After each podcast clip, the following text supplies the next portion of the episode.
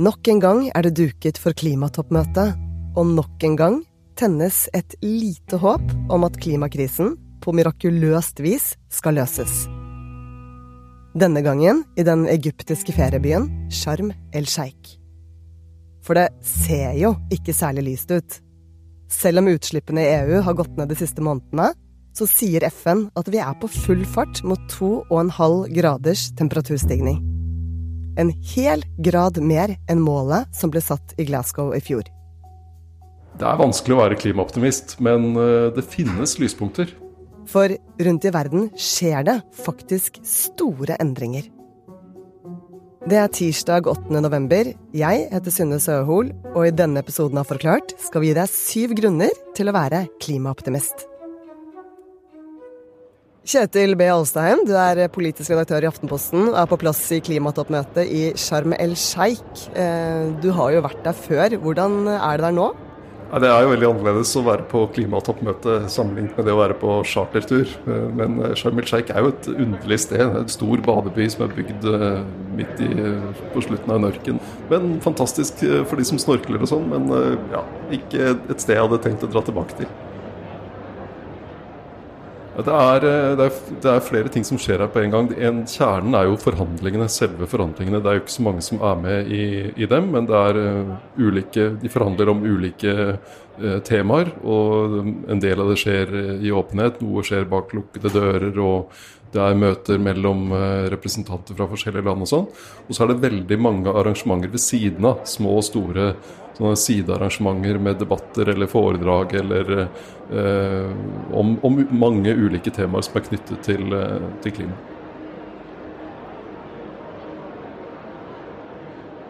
Hvert år samles toppledere fra hele verden til klimatoppmøte. Her diskuterer landene hvordan man på best mulig måte kan stoppe oppvarmingen av jordkloden. Og når det i år holdes i et afrikansk land, så sender det et symbolsk budskap.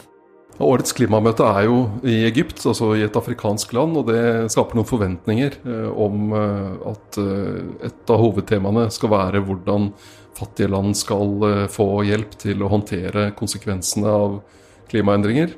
Mer ekstremvær, tørke, flommer, hva det nå er. Og også hvordan de skal få hjelp til å, å la være å investere i kull og satse på fornybar isteden. Men det som alltid er viktig på disse møtene, er jo hvordan ligger verden an til å stanse klimaendringene. Ja, For hva er status eh, for jordkloden nå, egentlig? Status er at eh, klimaendringene fortsetter. Temperaturen fortsetter å øke. Eh, og, og verden ligger ikke an til å oppfylle de, det klimamålet som ble satt i Paris i 2015. Målet i Paris var, var, todelt. Det ene var å holde temperaturøkningen godt under to grader. Og så kom det inn, litt overraskende egentlig, i Paris, også en ambisjon om å, å, holde temperaturen så nær som mulig 1,5 grader. Strebe for å komme ned dit. Og så er det kommet rapporter fra FNs klimapanel siden den gang som viser hvor viktig det er at temperaturstigningen ikke blir noe særlig høyere enn 1,5 grader. Men sånn som status er nå, så ligger verden an til å, at temperaturen øh, ville øke med 2,5 grader mot slutten av dette århundret. Og da sammenligner man med hvordan var temperaturen i verden i førindustriell tid, altså på 1800-tallet. Før verden begynte å bruke kull og olje og gass for å, for å fyre opp økonomien. Det kan jo virke som at det er mye prat og lite handling på disse møtene. Tror du at det kommer til å bli noen gode løsninger i år? Det som skjer på disse eh, klimakonferansene, er jo at uh, man bygger en slags, si, en slags arkitektur uh, for hvordan verden skal håndtere klimaproblemet. Det er viktig. Og så er jo det avgjørende er hva fyller landene inn i den arkitekturen? Hvordan er det de følger opp de, de ambisjonene som settes? og og, og bruker det verktøyet da, som klimaforhandlingene er, til å komme videre. Så det er mye av det som skjer her som er veldig sånn, teknisk og byråkratisk, eh, og som kan se ut som ja, men eh, skulle ikke redde verden? Eh, og, så er det likevel viktig fordi det gir den muligheten da, til at landene kan gjøre fremskritt. Og noen viktige fremskritt er allerede i ferd med å skje.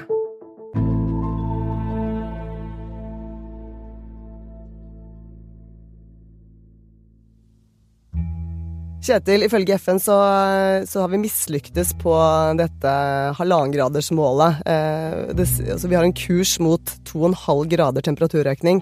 Har man gitt opp det målet med halvannen grad? Nei, det har man ikke. Noe av det viktige på klimamøtet i Glasgow i fjor var nettopp at landene liksom forsterket forpliktelsen til eh, at det er 1,5 grad som gjelder.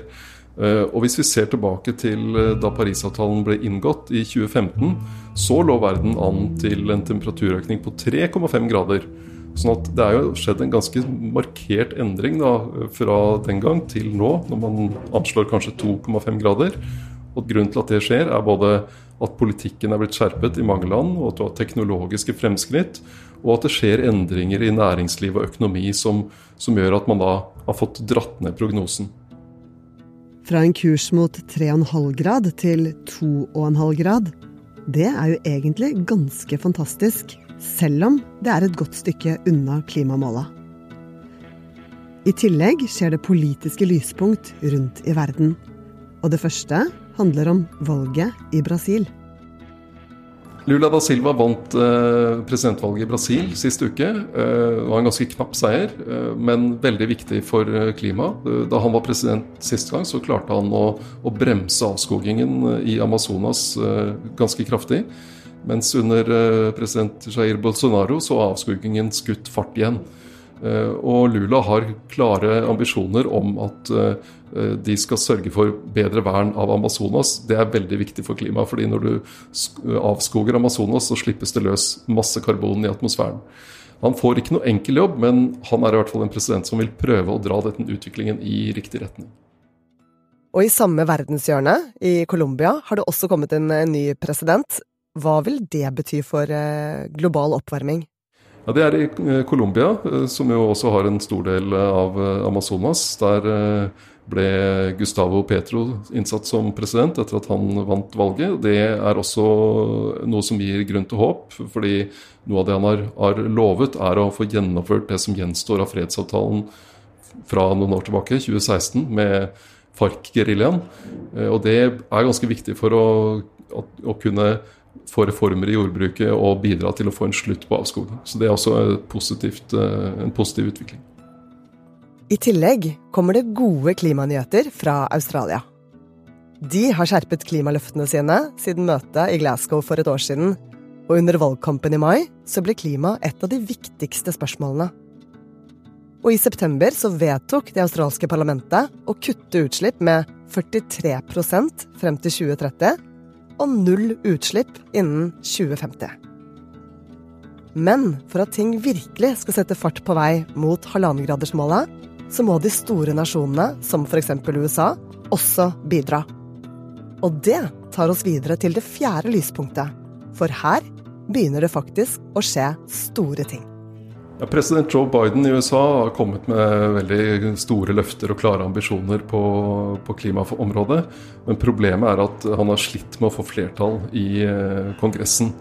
Eh, men i august så det, fikk han en overraskende seier i Senatet. Da fikk han flertall for den eh, klimapakken som han har, har ønsket.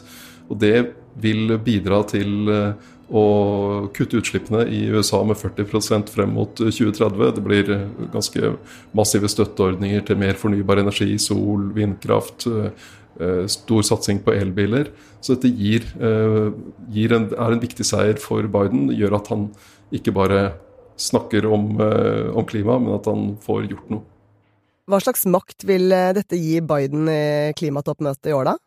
Det betyr at han får en uh, annen rolle enn uh, en om han kommer til klimatoppmøter og, og, snakker om hvor viktig det er med klima, men ikke får til noe hjemme. Så Han får en annen moralsk autoritet, i tillegg til at USA er jo en kjempeviktig økonomi, uh, kjempeviktige teknologiske miljøer. Så det at det, det settes fart i den klimaomstillingen i USA vil også bidra til andre land på den måten. Og Da har vi vært innom eh, Sør-Amerika, Australia, USA. Og hva med Asia da, og Kina f.eks.? Ja, det skjer ting der òg. Japan har vedtatt en eh, plan for eh, grønn omstilling. Der de skal satse bl.a. på kjernekraft igjen, og lavutslippshydrogen. Korea vil også ha mer kjernekraft og satser mer på fornybar energi. India har veldig høye ambisjoner for hvor mye fornybar energi det landet skal bygge ut frem mot 2030. Og i Kina der fortsetter den raske utbyggingen av sol- og vindkraft. Hvordan har Kina forholdt seg til verdens klimamål tidligere? Kinas utslipp har jo vokst kraftig de siste par tiårene. Nå står Kina for rundt 30% av de totale klimagassutslippene i verden. Eh, og, og, det vokser fremdeles. Eh, men eh, nå er den veksten i ferd med å avta, og det ligger an til at det kommer en endring i, i utviklingen for Kina. Og Det skyldes bl.a. at kinesisk økonomi er kommet til et punkt der, der ting er i endring. Det blir en overgang fra stadig flere fabrikker til mer tjenesteorientert produksjon. Altså spill f.eks. er tjenester. Eh, så det er, eh, det er, en viktig utvikling. Og det er også et bilde på hva som er i ferd med å skje i verden. Ja, for siden den industrielle revolusjonen så har nettopp utslipp fra fabrikker og olje- og gassforbruket økt i takt. Men sånn kan det jo ikke fortsette. Og nå snakkes det om et historisk vendepunkt. Helt siden starten på den industrielle revolusjonen så har økonomisk vekst og forbruk av fossil energi, altså kull, olje, gass, hengt veldig tett sammen.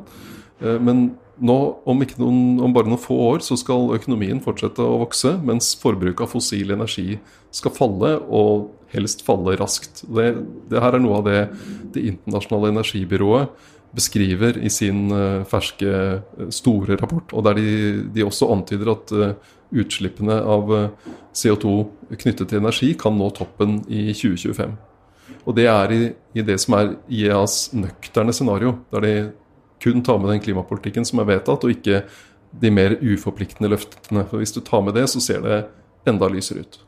Ja, altså At du når toppen, betyr det at det er en CO2-utslippet som eh, når en topp, og en kurve som flater ut nå eh, innen 2025? Ja, det er i hvert fall det, det, som kan skje, uh, ut fra den rapporten fra IEA. Og så må vi huske på at det, Den skriver da bare om CO2-utslipp som er knyttet til produksjonen av energi. Og så har du andre CO2-utslipp, og så har du metanutslipp og en del andre klimagasser. Sånn at det er jo, dette er én brikke i et ganske stort bilde. Er det lov til å håpe nå, Kjetil? Kan man bli klimaoptimist igjen? Det er vanskelig å være klimaoptimist. Eh, det er eh, fortsatt veldig mye som eh, må gjøres for å holde målet om maks 1,5 grads oppvarming. Det er veldig mye som kan gå galt her, og det er jo en konfliktfylt tid vi lever i. Sånn at verden ligger bakpå, og realismen i 1,5-gradersmålet kan virke spinkel. Men det er jo ikke noe vei fremover å liksom gi opp eller la seg overmanne av håpløsheten. Fordi det er veldig mye mellom 1,5 og 2,5 grad, og hver tidel på gradestokken betyr noe.